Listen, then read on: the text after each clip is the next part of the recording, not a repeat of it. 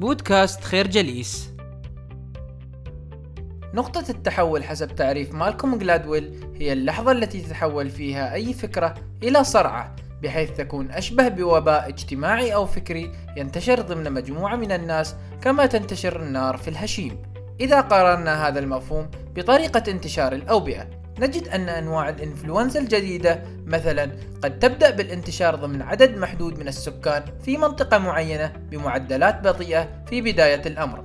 ومن ثم يوما بعد يوم يصاب عدد أكبر من الناس حتى نصل إلى تلك اللحظة السحرية التي ترتفع فيها معدلات العدوى بشكل خطير. ويصبح هذا المرض المعدي وباء خارجا عن السيطرة. في عصرنا الحالي تتمثل معظم أنماط انتشار الأفكار في انتشار الابتكارات التكنولوجية. من أوائل الأمثلة على ذلك شركة شارب التي أنتجت أول جهاز فاكس يباع بأسعار استهلاكية معقولة في عام 1984 باعت شارب نحو 80 ألف جهاز فاكس في العام الأول.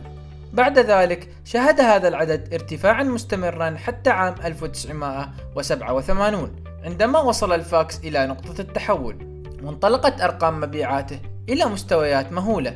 في نقطة التحول تلك كان الكثير من الأشخاص يمتلكون جهاز فاكس مما دفع أولئك الذين لا يملكون الجهاز إلى الشعور بحاجة ماسة لركوب الموجة التكنولوجية واقتناء جهاز الفاكس الخاص بهم. الفكرة تنتشر الأفكار في المجتمع كما تنتشر الأوبئة إذا اجتازت عتبة نقطة تحول معينة. من أجل تفسير انتشار الأفكار ضمن دائرة اجتماعية يصنف مالكوم جلادويل الأشخاص إلى ثلاث فئات الموصلون الخبراء والبائعون. الموصلون هم الأشخاص الذين لديهم شبكة اجتماعية واسعة. غالبا ما يتم نشر الأفكار من قبل أشخاص لديهم العديد من العلاقات الاجتماعية.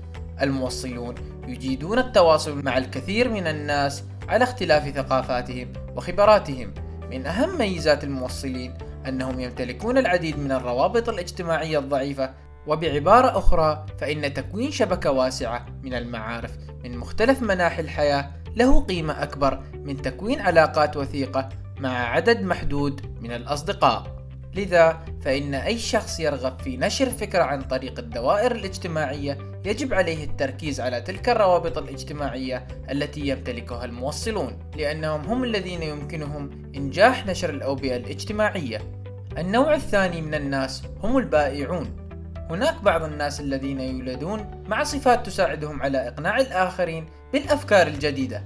عادة هم أناس يفكرون بشكل إيجابي ولديهم الكثير من الطاقة والحماس ويختلفون عن الآخرين بشكل ملحوظ في اتصالاتهم الغير لفظية. لدى هؤلاء البائعين بالفطرة طريقة خاصة للتعبير عن مشاعرهم. فالمشاعر معدية ويتعمد البائعون إظهارها بوضوح شديد بحيث يتعاطف الآخرون معهم على الفور.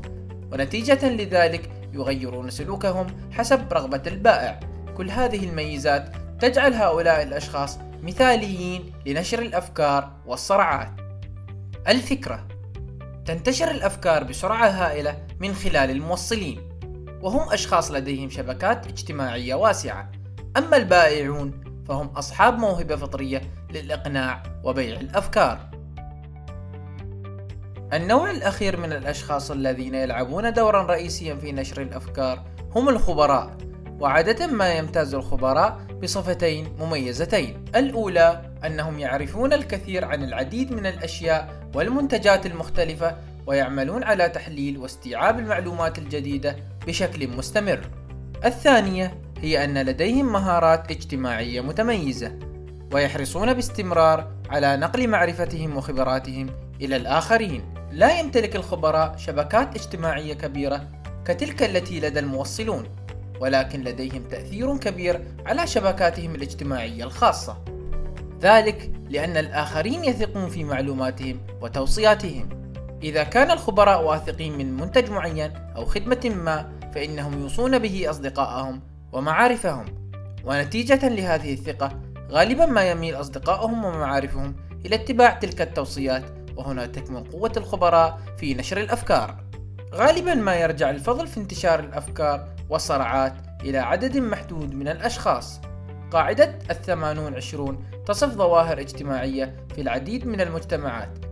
حيث يؤثر سلوك 20% من الناس في المجموعة أو المجتمع بشكل كبير على 80% من النتيجة النهائية.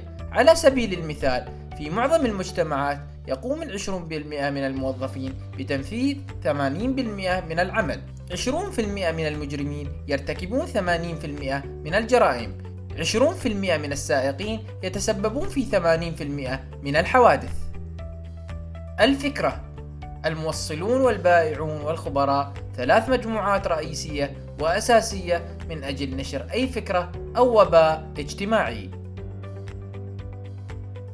يعتمد انتشار الأوبئة الاجتماعية على الظروف الخارجية إلى حد كبير وقد تكون هذه الظروف الخارجية ذات تفاصيل صغيرة جدا. مثال على ذلك ما حدث في منتصف التسعينيات حيث كانت السلطات في مدينة نيويورك تواجه أزمة ارتفاع معدلات الجريمة. بعد تحليل جذري لهذه المشكلة تبين أن أصلها يعود إلى تفاصيل صغيرة بدأت غير ضارة في بداية الأمر. اكتشفت السلطات أن رسومات الجدران وعربات المترو المخربة والمتهربين من دفع أجرة عربات المترو كانت كلها تفاصيل صغيرة ترسل إشارات إلى العامة بأن السلطات لا تأبه بالوضع المتدهور للمدينة وأن أي شخص يستطيع أن يفعل ما يريد دون عقاب. من أجل السيطرة على هذا الوباء بدأت السلطات بالتركيز على هذه التفاصيل الصغيرة. تمت إزالة الرسومات المسيئة من الجدران كما أصبح التهرب من الأجرة جريمة يعاقب عليها القانون. من خلال هذه الإجراءات أصبح من الواضح للجمهور أن السلوك المتهور لم يعد مقبولا ونتيجة لذلك انخفض معدل الجريمة بسرعة في السنوات التالية. استطاعت السلطات عكس التأثير السلبي لهذا الوباء الاجتماعي بفضل تدخلات صغيرة فقط. الفكرة الظروف الخارجية لها تأثير كبير على سلوك الناس. وقد تكون أصغر التغيرات في الظروف ذات أثر كبير على المجتمع. نشكركم على حسن استماعكم. تابعونا على مواقع التواصل الاجتماعي لخير جليس. كما يسرنا الاستماع لآرائكم واقتراحاتكم. ونسعد باشتراككم في البودكاست.